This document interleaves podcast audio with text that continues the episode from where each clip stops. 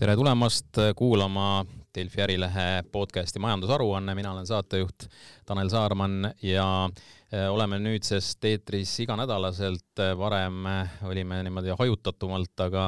põhjus selleks on loomulikult äh, see, mis toimub Ukrainas täna ja selle mõjud äh, majandusele nii Eesti Venemaa kui, kui ka Euroopa majandusele laiemalt ning hea meel on stuudios tervitada Eesti Panga mm, ökonomisti ja Vabariigi Presidendi majandusnõunikku Kaspar Oja, tere! tervist! ja meil on video sild loodud Riiaga, kus on siis Luminor Panga Eesti peaökonomist Lenno Uusküla. tervist minu poolt! no me eelmisel nädalal arutasime äh, ka Eesti majanduse seisu teatud nurkade alt äh, ja, ja võimalik, et ma siin ka üht koma teist üle kordame, äh, aga ma alustaksin jah, nagu meile lähemalt esimese teemaga, et et mis, milline seis meile praegu vastu vaatab need, see esimene kuu aega, mis on siis sõda seal Ukraina pinnal kestnud, mida me praegu peaksime teadma selle mõjust Eesti majandusele, Kaspar Oja? no praegu nagu midagi väga suurt veel ei ole ja no ega see on, see oli ka niisugune arvatav, et ikkagi Venemaa majanduse roll kogu maailmas on küllaltki väike ja peamiselt ta mõjutab meid siis äh, läbi noh, erinevate toormete, mida me kasutame ja noh, see mõju on küllaltki sarnane nii meile kui ka siis ülejäänud Euroopale. mingil määral jah, meid mõjutab ka ekspordisektor, noh siin on hinnatud, et umbes kaks protsenti Eesti SKP-st tuleb erinevate väärtusahelate kaudu ekspordist Venemaale. see mingil määral on, ma usun, veel toiminud, kuigi noh, siin prognoosid pigem, ma arvan, kipuvad eeldama, et see kaob kõik ära Äh, kui suhted halvenevad. Äh, nüüd äh, noh, viimase kuu jooksul, kus meie jaoks on olnud nähtavam mõju, on olnud kindlasti energiahinnad, et bensiini, diisli hinnad lendasid ülesse, diisli puhul on siin ilmselt noh, taga on suurem nõudlus, mis tuleneb sõjast ja, ja samuti ka siis eelista-, ütleme, mitte Venemaa kütuse eelistamine ja, ja seetõttu noh, on ka äh, tarned olnud võib-olla veidi, veidi väiksemad, kui nad tavaliselt äh, peaksid olema. et äh, need energiahinnad olid äh, kuu alguses väga heitlikud. nägime gaasi puhul, nägime täiesti erakordseid hindu ja võib-olla esimestel päevadel oli selline paanika väga suur, aga noh, kusagil nädala ajaga rahunes see maha suuresti. ja noh, me oleme seda näinud ka tanklates, et natukene on kütusehinnad allapoole tulnud suurem efekt on olnud gaasindadel mm. -hmm. Lenno Uusküla ja mis on Eesti majanduse puhul võib-olla selles mõttes huvitav, et me oleme siin suure riigi kõrval ja võiks eeldada, et meil on väga palju kaubandust Venemaaga, aga see on palju väiksem kui, kui ta on ajalooliselt olnud, et me oleme iseseisvuse saavutanud kolmkümmend üks aastat tagasi ja ka majandusliku iseseisvuse saavutame sisuliselt nüüd, kus me lõpetame peaaegu kogu kaubavahetuse Venemaaga ära, et lahkuminek on olnud üks pikk protsess ja alates nii-öelda Vene kriisist üheksakümmend kaheksa ja sealt edasi markeerides sõdu, ongi eestlastest ja teistest Balti riikidest äh, saanud äh, Venemaast äh, lahku lõikamise, äralõikamise tšempionid. et, et need numbrid, kus me läksime siia kriisi, on juba niivõrd madalad, et sellist otsest majanduslikku mõju makromajandusele ei olegi oodata et see kriis on järjekordne sektoripõhine kriis. nii nagu me Covidi puhul rääkisime sellest, et äh, ei ole tavaline majanduslangus, vaid puudutab teatud valdkondi, siis täpselt samamoodi äh, praegusel hetkel me räägime sellest, et on väga konkreetsed sektorid. kõik äh, transpordifirmad, kes äh, ida-lääne vahel toimetasid, on ilmselgelt oma turu kaotanud, on ettevõtted, kes importisid puitu Venemaalt ja ei ole selge, kui hästi on see võimalik asendada mõne muu puiduga. Äh, metallitöötlejad, kes teevad äh, Skandinaavia ja kaevanduste jaoks neid struktuure, et mis hinnaga nad saavad äh, metalli kätte ja millised on nende lepingud nende Skandinaavia firmadega, et kas nad saavad hindu tõsta või nad ei saa. ja seal võib olla sellist turu ümbermängimist ettevõtete vahel ka väga palju, sest et osad tellijad ütlevad, et jah, me saame aru ja tuleme kaasa, teised ütlevad, et ei, me lõpetame selle lepingu ära ja otsime teise pakkuja. et võib ka nüüd väga vabalt olla niimoodi, et ühes sektoris kaks väga sarnast ettevõtet käituvad väga erinevalt. ühel on sisseostuks olemas lepingud, mis ei ole Venemaaga seotud ja, ja teine aspekt on see, et millised on need müügilepingud, et kas need on võimalik ümber läbi rääkida või ei ole. et me näeme väga palju sellist ootamatust ka ettevõtete tasandil, et me veel ei tea, milline ettevõte on hea ja milline on halb ja sellest võib-olla tuleb selline üldine ebakindlus, et et äkki läheb halvasti tervel majandusel, kuna me ei tea täpselt veel, millistel ettevõtetel on probleemid. kui võtta tegevusalade lõikes, siis äh, paistab, et äh, on ehitussektoris eeskätt niisuguste suuremate infrastruktuuriprojektide ehitajatel on äh, probleeme bituumeni ja terase tarnetega, mis siis on pidanud tulema ka Valgevenest ja Venemaalt. ja noh, ilmselt me näeme lähemate kuude jooksul niisugust tarneturgude ümbermängimist ja mõnede investeerimisprojektide pausile panekut just nimelt seetõttu, et ei ole siis materjali saada. aga noh, tahaks arvata, et need ikkagi saavad ka teoks mingi aja jooksul see on midagi sarnast, nagu me nägime ka Covidi kriisi ajal, just nagu Lenno selle paralleeli tõi äh, Covidi kriisiga, et see oli ka eriline kriis. Äh, kui meil ei ole neid detaile saada, siis mõne aja jooksul me peame need investeeringud tegemata jätma, aga ilmselt tehakse kõik ära. no Eesti majandusega läheks nüüd, läheks nüüd sinna Venemaa suunas üle, et ähm, noh, üks asi on see, mida, mida tunneb nüüd see kohalik inimene seal, sellepärast et, et paljuski on lootus sellele, et et kui sanktsioonid ja, ja ka ettevõtete väljumised riigist, et need oleks niivõrd edukad, et, et inimesed niivõrd palju seda tunneks kõike, et, et hakkaksid mingit survet avaldama seal Putinile ja tema tema kamraadidele, mm, aga mida praegu saab öelda, noh, ütleme sellisel inimeste tasandil, aga ka, aga ka riigi tasandil, sest et, et need sõnumid sealt on umbes sellised, et inimesed veel liiga palju seda ei tunne, noh, võib-olla linnades, suuremates linnades, kus on näha siis nende eh, tõepoolest välismaiste eh, igasuguste ettevõtete kadumist väga selgelt, aga, aga samal ajal noh, väiksemates maapiirkondades ei, ei pruugi see veel olla kohale jõudnud, aga teisalt eh, ütleme, kui vaadata noh, riigiettevõtteid, keskpanka, välisvaluuta reservide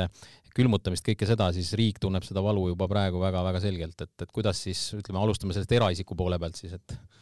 Kaspar Oja. Äh, noh, äh, mis, mis on kõige tuntavam, on see ilmselt, et paljud lääne brändid on ära kadunud, äh, millest on siin viimastel nädalatel juttu olnud, on olnud ka tugev surve on ju paljudele brändidele, et te peate oma tegevuse Venemaal lõpetama, muidu siis Äh, kaasneb sellega nõudluse langus Euroopas ja teistes, teistes lääneriikides. Ähm, ma ise võrdleksin sellega, et äh, mina mäletan väga hästi seda, kui ma esimest korda Coca-Colat sain. ja ma arvan, et äh, Venemaal nüüd varsti tuleb jälle selline põlvkond, kes ühel hetkel saab Coca-Colat, aga siis nad teevad seda väga hästi. Ähm, siin võib öelda, et, et noh, inimesed saavad hakkama ka vähemaga, aga samas äh, Äh, kui lugeda seda, mida venelased ise ütlevad, äh, siis äh, sellised üsna kõrged poliitikud on öelnud, et noh, need paganama noored on ju, et nemad, nemad ikka tahavad olla lääne kaupade peal ja, ja ilmselt kui me mõtleme ka demograafia peale, siis neid inimesi, kelle täisealisest ajast äh, oleks olnud äh, suurem osa äh, perioodil, kui neid lääne kaupu saada ei olnud äh,, on, on neid inimesi ikka küllaltki vähe. ja, ja ma arvan, et äh, noh, meie oleme inimesed, kes on äh, näinud seda mõlemat poolt, seda, kus äh, neid lääne kaupu ei ole ja seda, kus need on. ja ma arvan, et meie kindlasti ei tahaks äh, tagasi perioodi, kus neid lääne kaupu ei ole. ja, ja miks peaks vene inimene teistmoodi mõtlema? Lenno Uusküla eks seal on see küsimus, et kuivõrd tähtis see on, et kui sa lähed telefoni ostma, et kas see on iPhone, Samsung või Huawei, et ega ju mobiiltelefonid ei ole Vene turult otsa saanud ja paljud eestlasedki valivad Huawei'd. Ja vaadates Venemaa sellist üldist rikkust, siis enamik inimesi ei ole selles positsioonis, et iPhone'i osta, mistõttu äh, iPhone'i äh,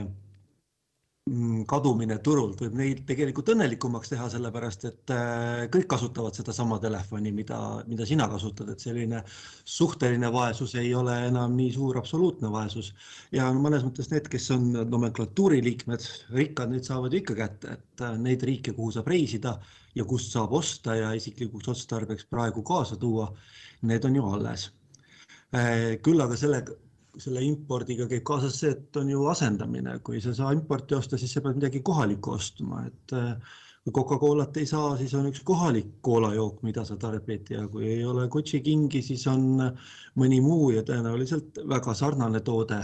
mida sa saad osta Vene turult. ega copyrighti ja intellektuaalse õiguse rakendamine Venemaal tõenäoliselt ei tule enam väga hästi välja meil. Neid ei ole ju võimalik ettevõtetel kuidagi teoks teha. et selles mõttes ma arvan, et kohalik tootmine saab väga kiiresti jalad alla ja nad mõistavad, milliseid tooteid on vaja ja mismoodi inimesi õnnelikuks teha, eks see võtab natukene aega. mina oleks siis natukene kapitali... mina oleks natuke pessimistlik selles, sellepärast et kui ma mõtlen äh, nende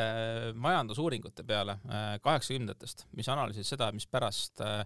Venemaa või siis noh, Nõukogude Liidu majandusel läheb kehvasti ja noh, ennustasid seda, et äh, varsti see kokku kukub. Äh, nemad äh, Äh, võrdlesid siis noh, nad tegid niisugust äh, majanduskasvu dekomponeerimist äh, siis noh, erinevate riikide lõikes ja Nõukogude Liidu kohta siis leiti, et nad on üle investeerinud ilmselt mingitesse tööstusvaldkondadesse, mis noh, suuresti toodavad sõjatööstusele, toodavad mingisuguseid raskeid seadmeid, millel tegelikult just tarbimisväärtust ei ole. ja ja noh, ütleme, et kui Venemaa tahab ikkagi jätkata seda liini, mis ta praegu on ajanud äh, rahvusvahelises poliitikas, siis äh, võiks arvata, et nad ikkagi keskenduvad ka rohkem sellistele harudele äh,, millel seda tarbimisväärtust ei ole, nad, ise ei suudagi seetõttu niisugust noh, niisuguseid tarbimiskaupu väga palju luua ja, ja seetõttu noh, sealne selline nagu tunnetatav elustandard äh, on kehvem. see on täpselt seesama asi, mis meil oli kaheksakümnendatel. ei, sellega ma ei tahtnud kindlasti vaielda, et äh, elustandard ei parane selle tulemusel, küll aga võib-olla see asendamine on meil äh, nagu ületähtsustatud ja meie jaoks on see staatus olulisem, kuna me võrdleme teistega. ühel hetkel nad ei saa enam võrrelda ennast teistega ja äh, seda õnnelikkuse tunnet see ei mõjuta nii palju SKP-d ja tarbimise numbrites loomulikult me hakkame nägema väga tugevalt seda, et vaadake kõiki neid riike, mis on äh, sanktsioonide all, ilmselgelt nad ei ole kasvamas. ilmselgelt nad panevad väga suure osa oma sisemajanduse kogutoodangust äh, sõjaväe alla, mis ei too seda igapäevast äh, tarbimisenne nii et kas siis tuleb, võib tulla sealt mingi surve mm, rahva seast või, või, või, või mitte, et, et selle peale lootma jääda nagu on, on liig? ma arvan, et see on küsimus pigem äh, julgeolekuekspertidele jah, äh, aga kui me Venemaad nüüd võtame, võtame kui Vene riik ikkagi seda aparaati, äh, kogu, kogu noh, riigiettevõtted, riik ise, mis seis seal praegu vaat, vastu vaatab, tundub ikkagi, et et äh, väga keeruliseks neil minemas on, astuvad siin huvitavaid samme, me räägime varsti ka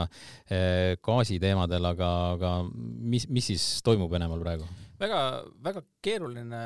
on seda niimoodi hinnata, et noh, on palju spekulatsioone, noh, küsimus on selles, et no näiteks ka nende naftasektor, äh, mis äh, sõltub äh,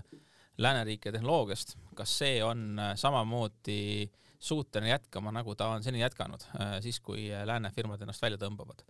enam sinna varuosad ei saada. et ähm, noh, siin on palju lootust selle koha peal, et, et need nii-öelda strateegilised sektorid saavad pihta, aga noh, siiani see on siiski spekulatsioon, et me ei ole veel seda ära näinud. Ma arvan, et see võtmeküsimus on äh, kahes kohas, üks on see, kui ma olin optimistlik enne natukene impordi asendamises, siis selleks, et impordi asendada, on vaja kapitali ja on vaja investeerimiskaupu. Venemaa ei ole kuulus investeerimiskaupade tootmise poolest, et siiamaani Venemaa mudel on ikkagi tuua tarbimiskasvad sisse nafta asemel, nafta vastu siis ja, ja selles mõttes, et kui võimekad nad on, siis hakka, hakkama ise tootma neid äh, tehnoloogiaid. Ja teine osa on see, et äh, need rahvusvahelised äh, tarneahelad, mis siis, kuidas kiipe kätte saab ja kuidas erinevaid mootoreid kätte saab, et kui sõjatehnika on lootnud lääne kiibile või lääne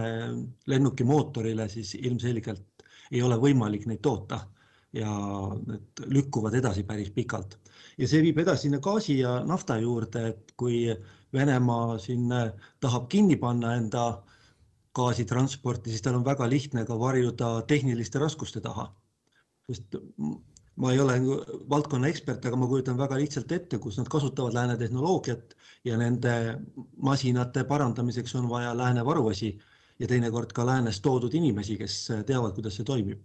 ja sellel hetkel neil ei pruugi olla seda teadmist ja seda tehnoloogiat, et parandada, nii et ühelt poolt nad saavad sinna taha varjuda, teiselt poolt võibki olla olukord, kus nad ei saa gaasi müüa, sest et rikkis on midagi et minu meelest meenutab äh, see kaubandus Venemaa ja Euroopa vahel väga sellist põhja-lõuna mudelit, et äh, on niisugused siis põhjatööstusriigid, kes ekspordivad tehnoloogiat ja siis äh, vaesed lõunariigid, kes ekspordivad ressursse. ja noh, see mingil määral ilmselt need ressursid on noh, neid on lühiajaliselt on raske asendada, aga noh, pikaajaliselt me saame ehitada endale ka kaevandusi. Aga tehnoloogiat, äh, kui sa seda nagu ise toota ei oska, siis äh, seda on väga raske asendada ikkagi. Jah, äh, no kui me gaasist räägime, see ja üldse noh, laiemalt tegelikult on näha olnud teatud sellist, ma ei tea, kas seal on nagu kui palju on seal niisugust PR-i poolt ja, ja niisama mingit sõnumite väljapaiskamist, kui palju seal on, on tegelikkust, et kogu see nii-öelda sõnumid, et me siin noh, kasvõi lennukid poole pealt, et, et noh, nii-öelda võtame need endale, eks ole, hoiame, hoiame endal, me ei anna neid tagasi. jutud on ka sellest, et raudteel võib sama juhtuda, et, et nad, nad kuidagi äh, äh, ja noh, ettevõtetega samamoodi on, on ähvardatud siin igalt poolt, et sellist äh, paanikat tundub palju olevat või on see, on see niisugune lihtsalt selline mingite sõnumite edastamine, mis siis justkui peaks mõjuma lääne ettevõtetele kuidagi alarmeerivalt? ei noh, selle, selles mõttes, et kui nad äh, loobuvad oma kohustustest, kui nad ei täida selliseid äh, maailma kokku lepitud reegleid, noh siis on nagu üsna arvatav, et äh, nad noh, ei ole usaldusväärsed mitte ainult siis nagu mingite piiride küsimuses, vaid nad pole usaldusväärsed ka igasugustes majandusküsimustes. et noh, nagu me nägime siin eelmisel nädalal, noh kui oli see intressimakse küsimus on ju, noh mida ilmselt Venemaa oma tänaste reservide juures vabalt saaks teha, kui nad seda lihtsalt ei tee, sellepärast et nad tahavad äh, näidata, et äh, noh, me, me võime nii teha, siis noh, pikaajaliselt see tähendab äh, Venemaa usaldusväärsuse langust ja noh, ilmselt äh, muutuvad investorid väga ettevaatlikuks nende suhtes ja noh, ilmselt kõik seesama trend on väga sarnane ka noh, kõigi nende kaupade puhul, mis sinna kinni jäävad või siis mingisuguste ettevõtete osaluste puhul. ja see gaasi eest rublades maksmine äh, noh, seal oli ka mingit, mingit muud mõtet taga, aga, aga, aga ka see on selline ebasõbralikele riikidele siis selline. no gaas, gaasi eest äh, rublas maksmine, ma arvan, et äh, see ei lähe läbi, sellepärast et äh, siin on juba mitmed Euroopa riigid öelnud, et meie lepingud on eurodes või dollarites ja me jätkame lepingute täitmist, noh nii nagu Venemaa on öelnud, et nad toovad selle minimaalse gaasimahu ja ütlevad siis ka, et me jätkame lepingu täitmist kui Venemaa hakkaks nõudma maksmist rublades, siis see oleks lepingu rikkumine. et miks nad tahavad äh, rublades maksmist? Ehm, noh, siin on äh, nüüd erinevad selgitused, aga ma arvan, et kõige tõenäolisem on see, et sellega üritatakse äh, siis niimoodi nagu sanktsioonide mõju põhimõtteliselt annuleerida. ehk et noh, kui Euroopa peaks hakkama rublasid hankima, siis laias laastus on kolm võimalust. esimene on see, et äh, Venemaa keskpank neid vahetaks, äh, noh, mis ma arvan, et äh, Putini mõttes on ebatõenäoline, et see on Euroopa jaoks liiga lihtne. teine variant on see, et Euroopa teeb siis nende riikidega, kes Venemaale midagi ekspordivad, valuuta swap'i ja siis hangib sealt rublasid ja no kolmas variant on see, et Vene, Euroopa peab hakkama Venemaale eksportima ja sealtkaudu rublasid hankima kuna me teame, et äh, Euroopa Liidul on olnud jooksev konto Venemaaga varasemalt defitsiidis, äh, siis peaks ilmselt selle energia eest maksmiseks küllaltki palju eksportima ja see paneks igasugused sellised tehnoloogia ekspordi sanktsioonid kahtluse alla. no Venemaa muidugi seda tahab, aga noh, Euroopa seal vastu ei tule. Lenno Uusküla on midagi lisada Äh, ja ma seda kolmanda punkti juures, tõenäoliselt jah, need esimesed variandid, mis puudutab seda, et äh, keskpank vahetab, siis tegemist võib olla PR-trikiga ja,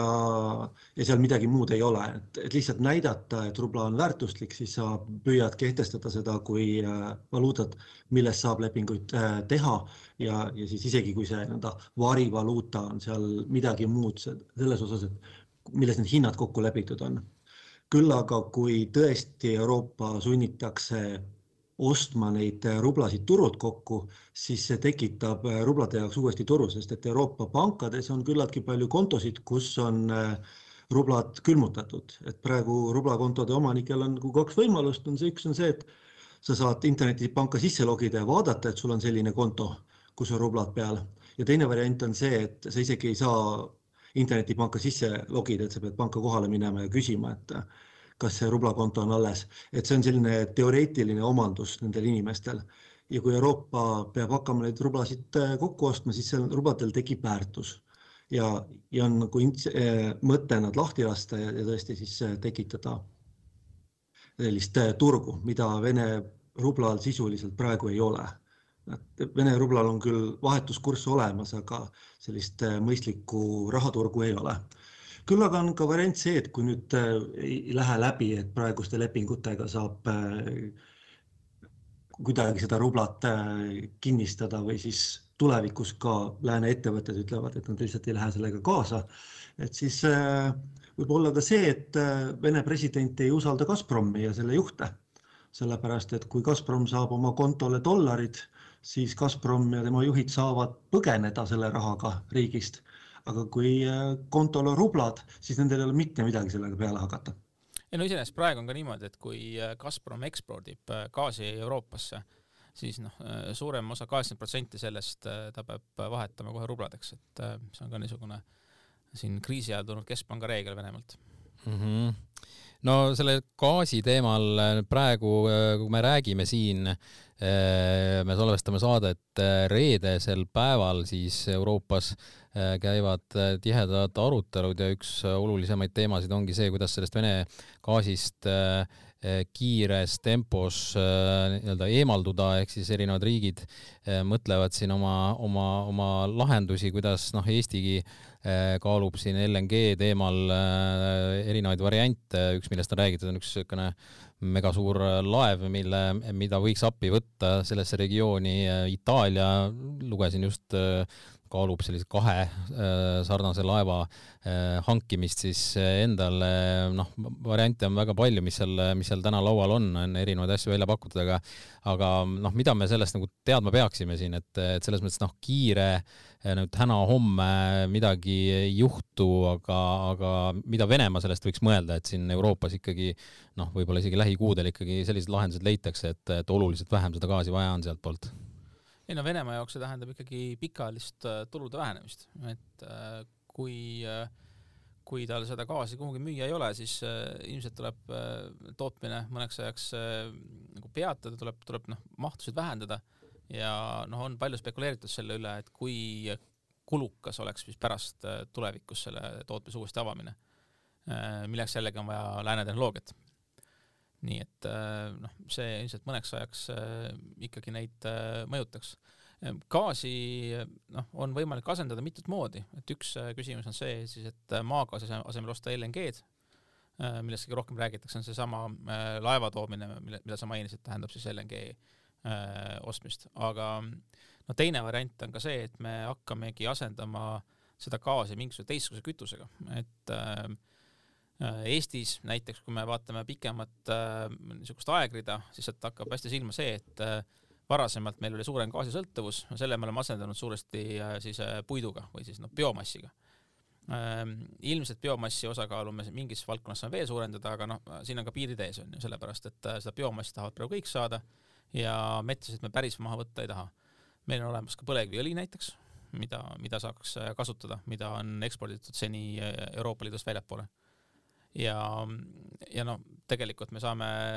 kiiresti teha ehk ka mingisuguseid investeeringuid, mis muudaksid meie energiatarbimise märksa efektiivsemaks. et ähm, ma arvan, et äh, üks, mida siin teha saab, on niisugused tasuta lahendused, et äh, niisugune oluline bürokraatia vähendamine. et kui äh, noh, praegu näiteks äh, mõni äh, soojaettevõtja äh, soovib midagi teha, siis ta teatab riigiametisse ja tal on kolmkümmend päeva vastamisaega et äh, see on äh, tänases olukorras täiesti absurdne, et äh, avalik sektor võiks siin toimida paindlikumalt ja vastata palju kiiremini. Enno Uusküla. no esimene asi siin on ikkagi see, et kui palju meil energiat terven-, tervenisti vaja on, seda bilanssi vaadata, siis järgmine sealt on,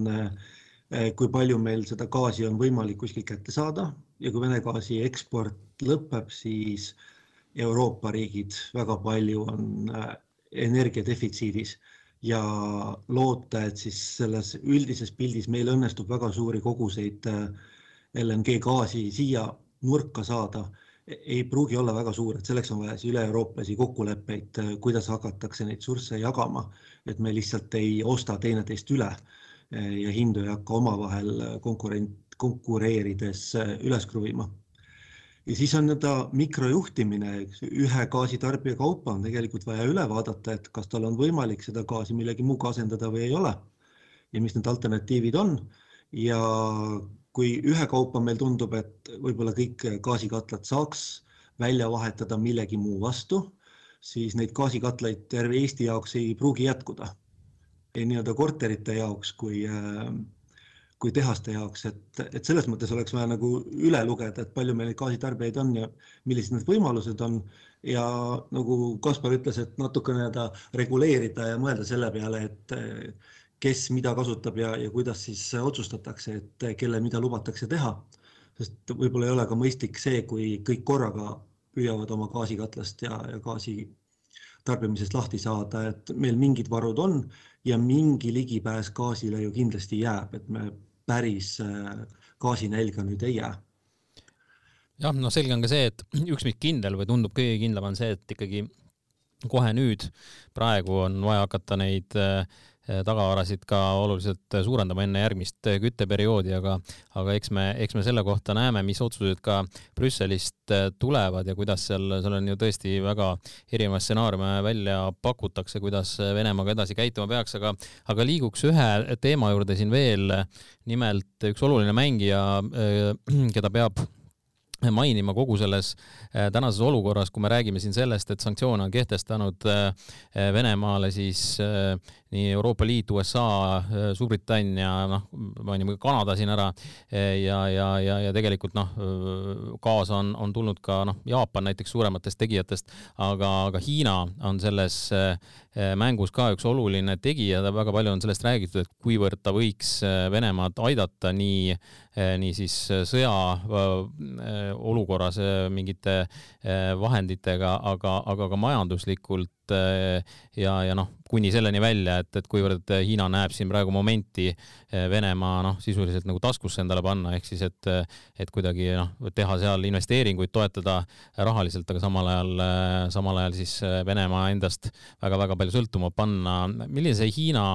roll teie arvates võiks äh, olla, ma Lenno Uuskülale annan enne sõna, et et, et kui, kuidas me peaksime seda nägema, et on neil nagu mingisugust põhjust äh, üldse Venemaaga nagu väga tihedalt hakata praegu sõbrustama või? kui me enne rääkisime Venemaa kontekstis Venemaa ja lääneriikide kaubavahetusest, kus Venemaa ekspordib energiat ja, ja lääneriigid Äh,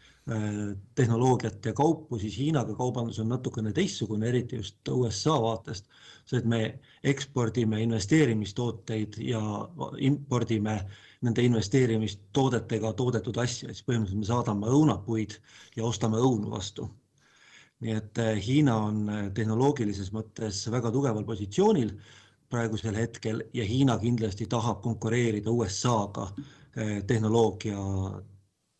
väljakutsete osas, et nad tõesti tahab olla maailmas tugev tegija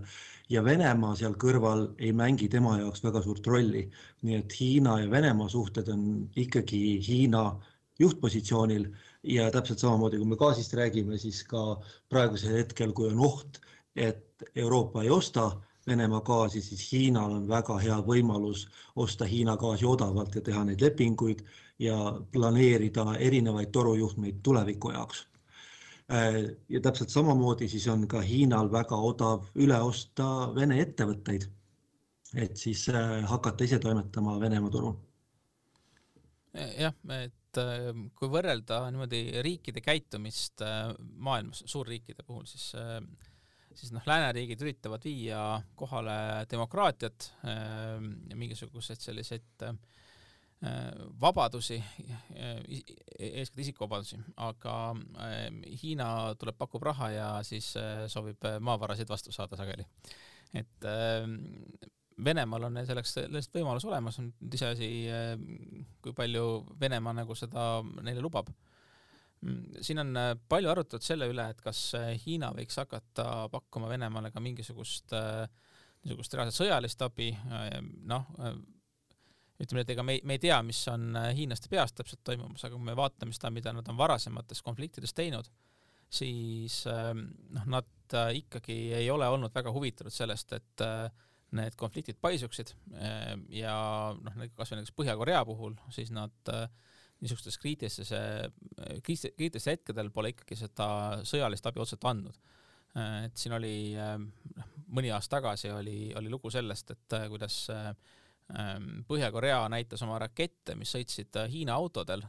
mis olevat tekitanud sellise väikese skandaali, et kuidas siis nii, aga siis tuli välja, et Põhja-Korea oli kusagilt saanud mingisuguseid Hiina metsaveoautosid, mis nägid samasugused välja, aga aga noh, tehniliselt nad äh, muidugi samad ei olnud, et äh, sõjaväe, sõjaliseks kasutamiseks nad tegelikult sobinud. Äh, seda, et kui vaadata, kus kohas Hiina asub ja võtta kaarte ette, siis see on parasjagu hirmutav, ega need naabrid ei ole väga lihtsad, et kui Kaspar rääkis siin äh, demokraatia viimisest, siis ega heal tahtmisel ei ole ka Hiinal võimalik demokraatiat oma naaberriikidesse hakata eksportima, et kui sul on Mongoolia, Kasahstan, Turkmenistan, Usbekistan, Afganistan Iraan tegelikult Euroopa kaubanduse ees, siis äh, või noh, Aasia riigid ei ole ka mitte süütukesed. et ega tema naabrid ei ole sellised, kellega on lihtne läbi rääkida niisama ja nende naabritega konflikti sattuda ei ole kindlasti Hiinal mingit soovi ja seetõttu ka pigem Hiina proovib omaenda väljakutseid lahendada, mis puudutab Tiibetit ja Hongkongi ja Taiwan'i ja, ja nendega hakkama saada ja mitte sekkuda teiste riikide siseasjadesse sellepärast et äh, neid konflikte ei jaksa ta ära lahendada ja, ja kui seal tekivad suured konfliktid,